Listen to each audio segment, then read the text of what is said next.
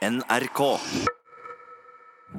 Og nå Wow, hvor er den til å holde seg etter? Nå fikk jeg tak i den. Fytti katta, det her er vemmelig, ass. I en dataanimasjon og med VR-briller på er det som vi flyr høyt opp i luften på vei utover Nordsjøen. Illusjonen er en trekkfugl på vei til ferieopphold i Syden. Nå flyr jeg over et et, et fyr Bare jeg greier å Jeg må ikke gjøre noe her nå, Alf Tore, ellers så krasjer jeg i fyret her. Og der er det en svær containerbåt. som Men før vi kommer så langt og åpner dørene til utstillingen Fugletrekkets gåter på Stavanger museum, kommer vi gjennom en kunstinstallasjon i et stort, mørkt rom med mange lysstråler fra taket. Her svever det en mengde kranier i løse lufta, hadde jeg nær sagt, montert opp. Men på, på disse dyrekraniene så er det menneskeansikter. Ja, det projiseres menneskeansikter på dyrekraniene. eh, Sammen med denne sangen som du hører, da. Og eh, det er jo sånn at MUST er et tverrfaglig museum. Vi har bl.a. et kunstmuseum under våre vinger. Og så dette er da en eh, tverrfaglig installasjon. Men jeg må jo si at det er, det er laget av Arne Nøst, som er teatersjef i Rogaland Teater. Han har laget denne flotte utstillingen. For, som er, ja, flott er det altså. Dette er helt, Nå går vi inn mellom det, og vi ser Det er store kranier, det er små kranier. Og noen av dem blinker med øynene. Og se, der er det en Det må jo være en, et, en, en, et apekranie av noe slag. Det er, det er flere apekranier, ja. Det stemmer. Så, Og så er det der borte er det jo en sånn eh, bukk med sånn krummede horn. Og noen er store, noen er små. Det der må jo være en okse som vi ser lengt der borte. Et kjempestort. stemmer nok. Der er både kranier som er samlet inn på eh, forskjellige steder i verden, som er gamle, og det er nyere kranier her som er, er laget som referansemateriale av eh, preparanten vår. Helt utrolig. Og dette kalles for et kraniumkor. Dægen, det er Det er det som er navnet på, på installasjonen, ja. Det er konservator og faglig ansvarlig Alf Tore Mjøs på MUST, Museum Stavanger, som tar oss med inn i utstillingen Fugletrekkets gåter. Rundt oss er det en mengde montre med utstoppede trekkfugler av alle slag, og i taket flyr det en stor flokk sangsvaner. Det var mange sangsvaner som omkom eh, den kalde vinteren 29-2010 ute på Jæren her, hvor det er en ganske stor vinterbestand. Og vi tenkte at når det først er så gale, så, så samler vi inn en del av de til museet, for det kan godt hende at vi eh, får bruk for noen sangsvaner i et utstillingssammenheng. Og nå henger de i taket her. Fikk vi jo da til denne utstillingen her og kunne bruke det som et blikkfang og lage da en, en eh, flokk med sangsvaner i V-formasjon som, som trekker over oss her i Utrolig flott eh, syn at de henger oppunder, for de er jo så store. Det er store fugler flotte fugler, og de fleste har et eh, forhold til svaner, på godt eller vondt. Og noen av dem er jo slemme. Ja, noen Man påstår det. Noen kan være litt, litt bøllete i unge, ungeperioden iallfall, å være litt aggressive. Men eh, det er jo viktig å få frem at det er reelt farlig er de ikke. Nei, Det var jo bare et forsøk på en morsom bemerkning i forhold til havnesjefen, som jo en bestemt svane har blitt kalt, og som da Jeg kjenner godt havnesjefen. Ja, det gjør det, Ja da. Jeg har ringmerket ungene hans, og jeg lever fremdeles. Så du har noen på lageret som du kan ta fram? Det er ikke tilfeldig at det nettopp er Stavanger museum som er den norske sentralen, bokstavelig talt, for forskning på trekkfuglenes gåter.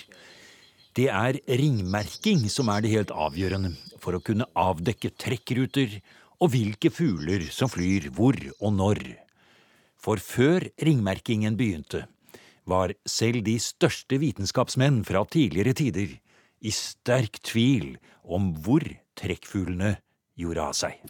Den starta vel egentlig i Danmark med en eh, skolelærer som heter Mortensen, som eh, funderte veldig på eh, hvor fuglene ble av når de forsvant om vinteren. Man hadde jo alskens teorier om at de krabbet ned i, i mudderet og overvintret sammen med padder og frosk og alt mulig rart. Man mente bl.a. at svalene gjorde det, for man så at de satte seg i takrørene på høsten. Og så var de plutselig vekk en dag. Og da tenkte jeg ja, de er sikkert forsvunnet ned de der.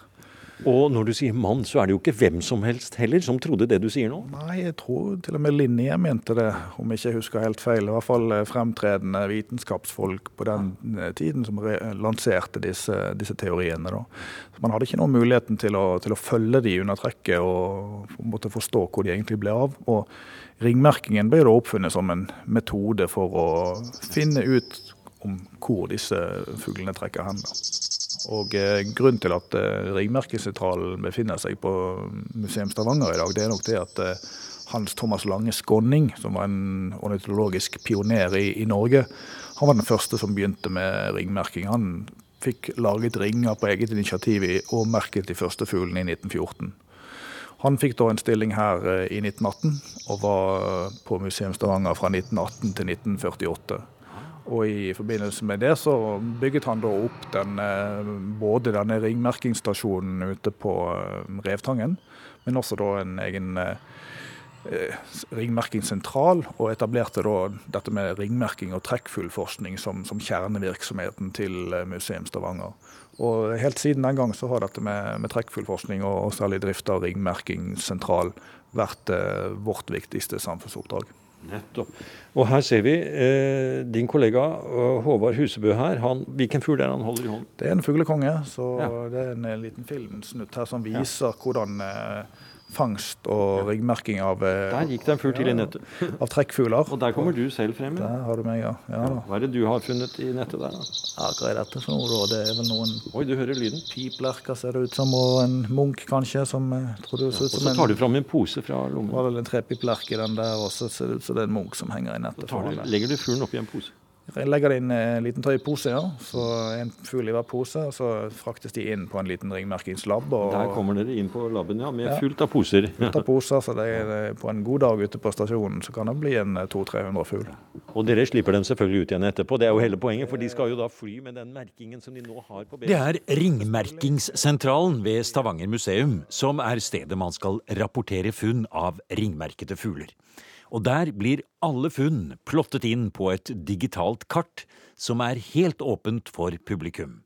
Det er rådgiver Håvard Husebø som ordner med Gjenfunnsatlas online, som det heter. Lett å finne på hjemmesidene til Must i Stavanger.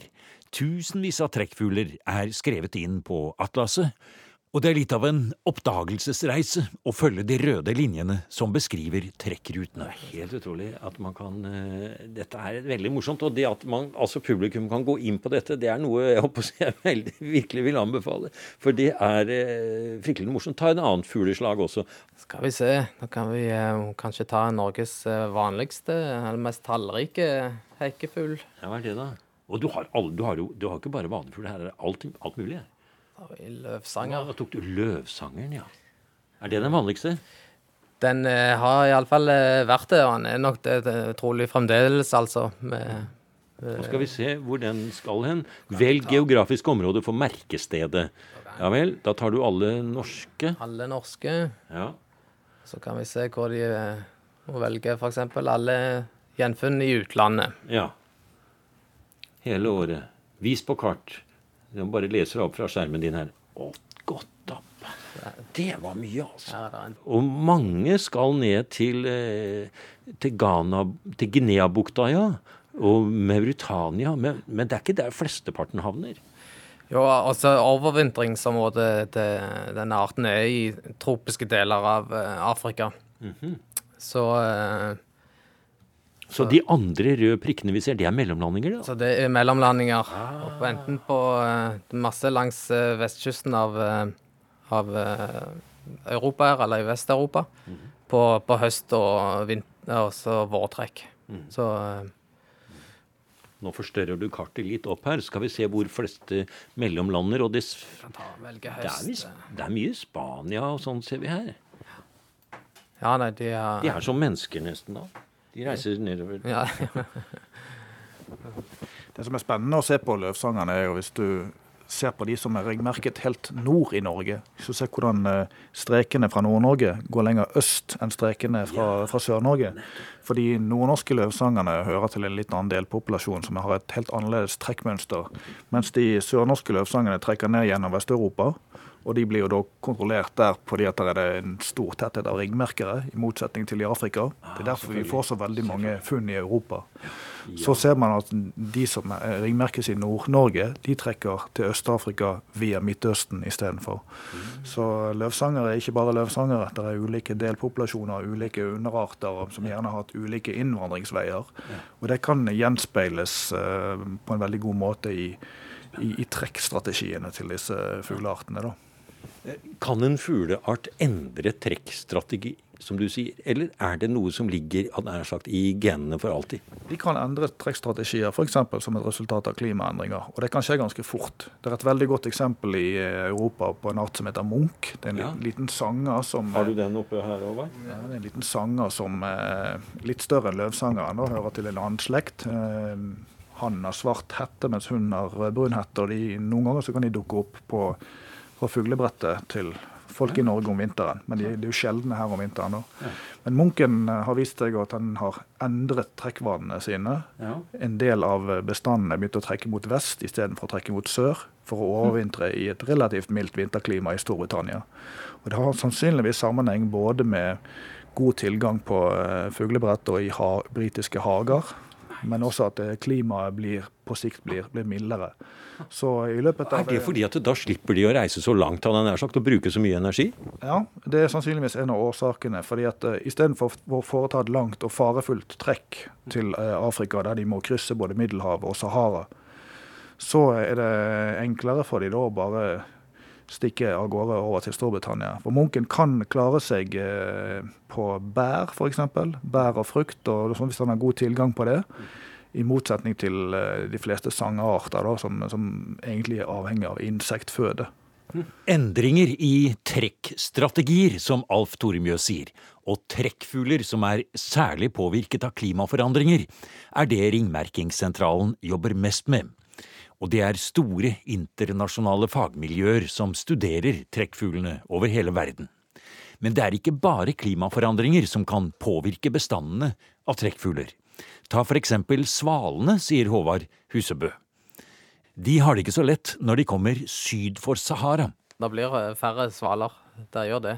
Og eh, noe av det, årsaken er nok eh, Ligger nok i overvintringsområdene til, til, til, til svalene. Kan du vise her, hvis jeg vil inn og se nå, hvor overvintrer Der trykte du på låvesvale. Vis geografisk område for merkested. Ja. Ta alle norske ja. Og så Å, dægen, se her, Zambia. Botswana skal de. Så um, Vis på kart. Dette er uh, veldig morsomt. Oi, de skal ned til Sør-Afrika hele gjengen. Og på å si, Det er i hvert fall mange som skal dit. Uh, ja, en stor del av uh, de europeiske eller de europeiske lovsalene overvintrer i i områder eh, sør for uh, Sahara, og helt ned til, en del av de helt ned til Sør-Afrika òg. Mm.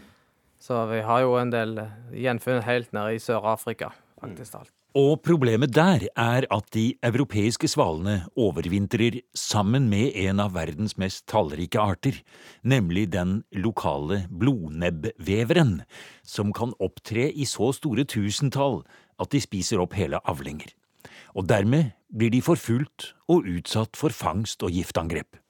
Så, men man har registrert hvordan uh, europeiske svaler da blir uskyldige ofre i den kampen mot blodnebbveverne. og Det kan være bare en del av forklaringen.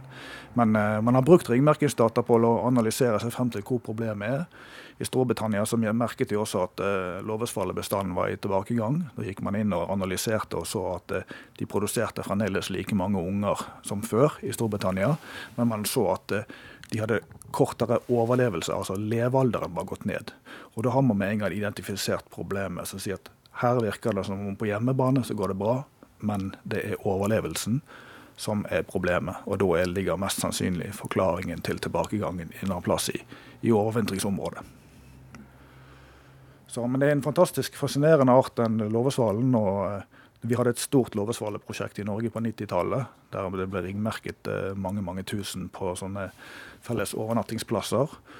Og det viste seg jo da at de, eh, de dro helt ned til staten Sør-Afrika, som du sier. Så det er den landfuglen som foretar det lengste trekket. Det, det er låvesvalen. Det er vel bare egentlig rødnebbternen som vi vet trekker noe særlig lenger. Og det er nettopp når man legger sammen data fra tusenvis av observasjoner fra registre over hele verden, at man kan begynne å ane hvor mange enkeltfaktorer som inngår i den ligningen som Stavanger museum kaller fugletrekkets gåte. For å løse den til beste for de mange trekkfuglbestandene må det internasjonalt samarbeide til. Et godt eksempel kan være den lille måkefuglen krykkja, sier Alf Tore Mjøs. Og Krysjen er en eh, sjøfuglart. Det er jo en måke, som du sier, men en litt spesiell en. Den har bare tre tær og er eh, kjent som en sånn fuglefjellart som hekker i, i, veldig veldig store kolonier. Eh, men folk som har vært langs kysten i Nord-Norge, de kjenner den igjen ofte som man hekker på rorbuer og sånn. Ofte, og denne spesielle lyden den lager? Karakteristiske lyden, ja, som, som hører på en måte nordnorske kystnaturen til. Og Hvis vi går litt nærmere bort og ser her, så legger vi merke til du sier at dette har et helt spesielt eh, prosjekt. Krykkje loggerplott. Og den har trøbbel, denne fuglen. Ja, Dette er en eh, data fra det store og norske sjøfuglovervåkingsprosjektet Seapop, som, eh, som har brukt eh, det vi kaller lysloggere for å følge reiseruten til individuelle krysjer. Hva er det, lyslogger? Lyslogger er en liten chip som sitter på foten, og som på en måte tar, måler hva klokken er når solen står opp. Hvis du har den informasjonen, så kan du beregne deg frem til hvor i verden du er med en usikkerhet på ca. 150 km. Og eh, det som vi ser er at eh, kryssene de trekker ut mot de vestlige delene av Atlanterhavet, de fleste. Og mange befinner seg da i områdene mellom eh, Grønland og Newfoundland. Og, det er rike fiskebanker der? Langt vest for Island. Ja, det er veldig rike sjøområder. og Det man særlig la merke til, var når man la data fra forskjellige arter, som man hadde undersøkt på samme måte, oppå hverandre. Mm. Da utkrystalliserte det seg enkelte områder her sør for Grønland som, der det virker som enormt mye fugl. Mange forskjellige arter hadde de samme havområdene som, eh, som veldig viktige rasteområder eller overvintringsområder. Og Sånt er utrolig verdifullt når man skal på en måte tenke forvaltning. For da får man da identifisert sånne hotspotter som har enorm betydning for et stort antall arter. Sånn at man da vet at forvaltningen av disse arealene må ha fokus på, på dette. Men vi kan ikke være på en utstilling om trekkfugler og gåter uten å stille en liten bunke dumme spørsmål. Hvorfor reiser fuglene i det hele tatt, og hvorfor kommer de tilbake? Vi har skjønt såpass at det er gode grunner for en fugl til å være i Norden i de hektiske sommerukene når det er lyst og fullt av insekter på menyen. Og den mengden, altså biomassen av insekter som du får i, i nordiske områder i en kort sommersesong, den, den, er mye, mye større. Så de vil aldri kunne fostre opp eh, så store kull og like mange unger hvis de skulle prøve å, å hekke i et mer stabilt eh, eh habitat, der de i tillegg måtte konkurrere med mange flere andre arter og mange flere individer. Mm -hmm. Og når vi nå er inne på avdelingen for dumme spørsmål, så kan man jo da kanskje si at uh, ok, de, får, uh, de, de, hekker og forsørger barna sine holdt jeg på å si, i denne rike overfloden av insekter som er i den lille korte perioden med enorm biomasse i Norden. Hva er det de gjør når de er nede i England? Er de på ferie da? Eh, da er de på ferie, kan du si. Det er litt på litt flåsete måte. Men klart, i, I, vinteren så har de bare én oppgave, og det er å holde seg sjøl i live til neste hekkesesong. De har ingen unger de skal fø på og sånne ting. Og, og, det er klart at det som gjør at de trenger enorm tilgang på mat, eh, det er jo når de har fem, seks, sju uh, sultne unger i reiret som de, de, skal fø opp de i tillegg til seg sjøl. Da må du ha masse, masse mat. Og så blir de så utslitt av det at de vil ned i varmen og bare sitte stille oppi et tre og bli, bli varme igjen. Det er en veldig påkjenning for fuglene å gjennomføre en hekking. De er gjerne nedkjørt fysiologisk, og noen av de har jo både to og tre kull i tillegg i løpet av sommeren. Så, så, når de er ferdig med det, så skal de skifte fjær, det vi kaller myte, få et nytt sett med, med fjørdrakt, de aller fleste. Og så trekker de, da. Og til, til et overvintringsområde. Noen myter før de trekker, andre myter etter de trekker. Men det, det skal også noe som krever mye energi av fuglene, at de skal skifte ut hele fjørdrakten en gang i året. Og Det er jo mange gåter knytta til dette fugletrekket, som er jo tema for denne utstillingen. Og når de da har vært en stund i et varmere land og hvilt seg. De, du bekrefter jo det at de er på ferie der, rett og slett. De slapper av. De har ingen annen oppgave enn å ikke dø. De skal bare spise og ha bare ansvar for seg selv. Når vet de at de skal begynne å rusle oppover igjen? Det er en, eh, en indre klokke som forteller de at nå er nærmer hekketiden seg. Og, en indre klokke? Ja. Og det kan du si at det, Hvordan i alle dager kan det fungere nede ved ekvator som dagene er like lange og sånne ting. Men eh, de har i hvert fall et, et innebygd eh, på en måte nedarva eh, indre tidsur, om du vil, som, som forteller de at nå, nå, er det på tide. Og de, så lenge de ikke er akkurat på ekvator, så vil det alltid være forskjell i døgnlengden f.eks. Som, som kan være en utløsende faktor som, som de registrerer. Så nå, nå, er det på tide å, å dra mot hekkeplassen igjen. Og jeg syns det er så fascinerende å stille disse spørsmålene og kanskje avdekke min egen uvitenhet, men la gå. Hvordan finner de veien, Alf Tore? Det er ikke dumme spørsmål i det hele tatt, for det er veldig mye om disse tingene vi ikke vet. Så det er fremdeles et veldig stort og like aktuelt forskningsfelt, dette med bl.a. hvordan de finner veien.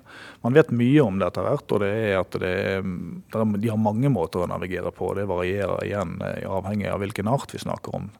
Eh, de langdistansebevegelsene går mye på sånne ting at de kan faktisk tolke stjernehimmelen. og Det har man vist ved å projisere de for en falsk stjernehimmel og se at da flyr de feil vei.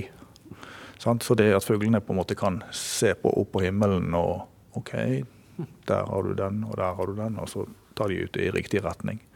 Så det er en måte. Eh, de orienterer seg etter solens posisjon i løpet av dagen. Og det igjen forteller oss jo at fuglene faktisk kan klokken. Altså de, de, klarer å kompensere for at solen flytter seg over himmelhvelvingen og korrigerer kursen ettersom uh, i forhold til morgen og ettermiddag.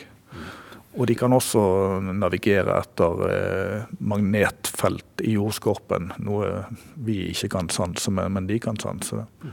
Så de har da en innebygd sans som kan merke jordmagnetismen? Ja. Riktig.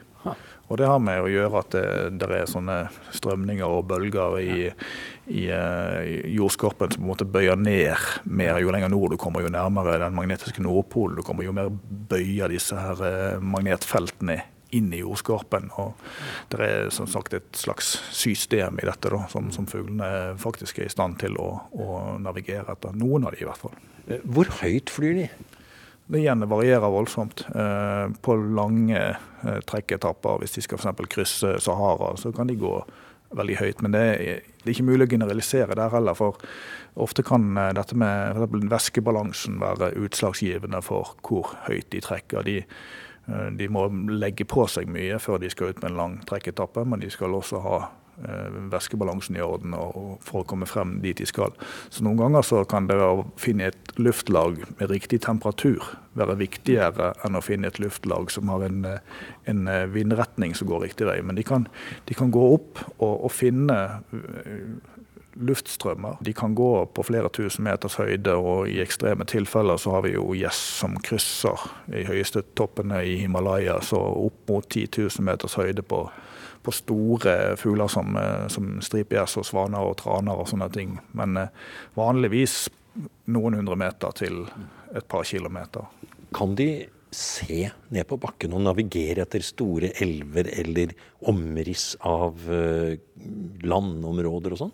Det kan de, og, men man mener at det er mest når de nærmer seg bestemmelsesstedet at de da begynner å navigere etter uh, etter kjente strukturer i terrenget. Det er altså så fascinerende. Man kan tenke seg det at det bryter opp en fugleflokk et eller annet sted i Norge på et eller annet tidspunkt som er passende i forhold til hele systemet. Og så vet de på det tidspunktet eh, kompasskursen. De vet himmelretningen. Og så legger de av sted på den himmelretningen og kompenserer for sol, alt som du forklarte. Men så når de nærmer seg målet, så kan det hende at de da ser på, på kystformasjoner og andre ting. Det, nei, det er helt utrolig. Altså, du, kan, du, kan, ta et eksempel. En bitte liten fugl som heter sivsanger. Som, eh, som, kommer tilbake og hekker i det samme lille territoriet på noen titalls ganger titalls meter i, i Norge. Men den også, finner også det samme vinterterritoriet i Vest-Afrika på noen titalls ganger titalls meter. Så den fuglen med en hjerne som er så stor at du kan knapt se den, den navigerer mellom to punkter som er noen titalls ganger titalls meter. Er ett i Norge og ett i, i Vest-Afrika, og, og, finner frem. Du hadde jo knapt klart det med GPS sjøl. Men eh, ja, det er helt fascinerende, altså. Ja. Men hvis denne fascinerende kunnskapen og forskningen skal fungere, så er ornitologer og fugleforskere av alle slag helt avhengige av publikum. Det er veldig viktig for oss at eh, publikum generelt eh, vet hvorfor man ringmerker fugl, og skjønner at hvis man finner en fugl med, med, en ring, så, så, er vi veldig interessert i å få opplysninger om dette. Og, men da vil jo da stå på ringen Stavanger museum, og går man inn på nettsidene til Stavanger museum, så finner man raskt frem til en plass der det står 'Har du funnet en ringmerket fugl?' og med et eh, skjema online, som man bare kan legge inn opplysningene. Så vi er helt avhengig av at finnene tar kontakt med oss. Enten det er en fugl som har flydd på vinduet, eller katten kommer inn med et eller annet han har fanget i hagen som har ringt på. Så vil vi svært gjerne vite om det. Og dette, dette, er verdifullt for oss. og For alt i verden, ikke bare kast den fuglen unna og gi oss opplysningene om, om, hva som står på ringen. Så vil også finneren selvfølgelig få et svar fra oss med opplysninger om når og hvor denne, hvordan fuglen er merket hen. Du har nå hørt en podkast av programmet Museum fra NRK P2. Og send gjerne en e-post til museum krøllalfa nrk.no.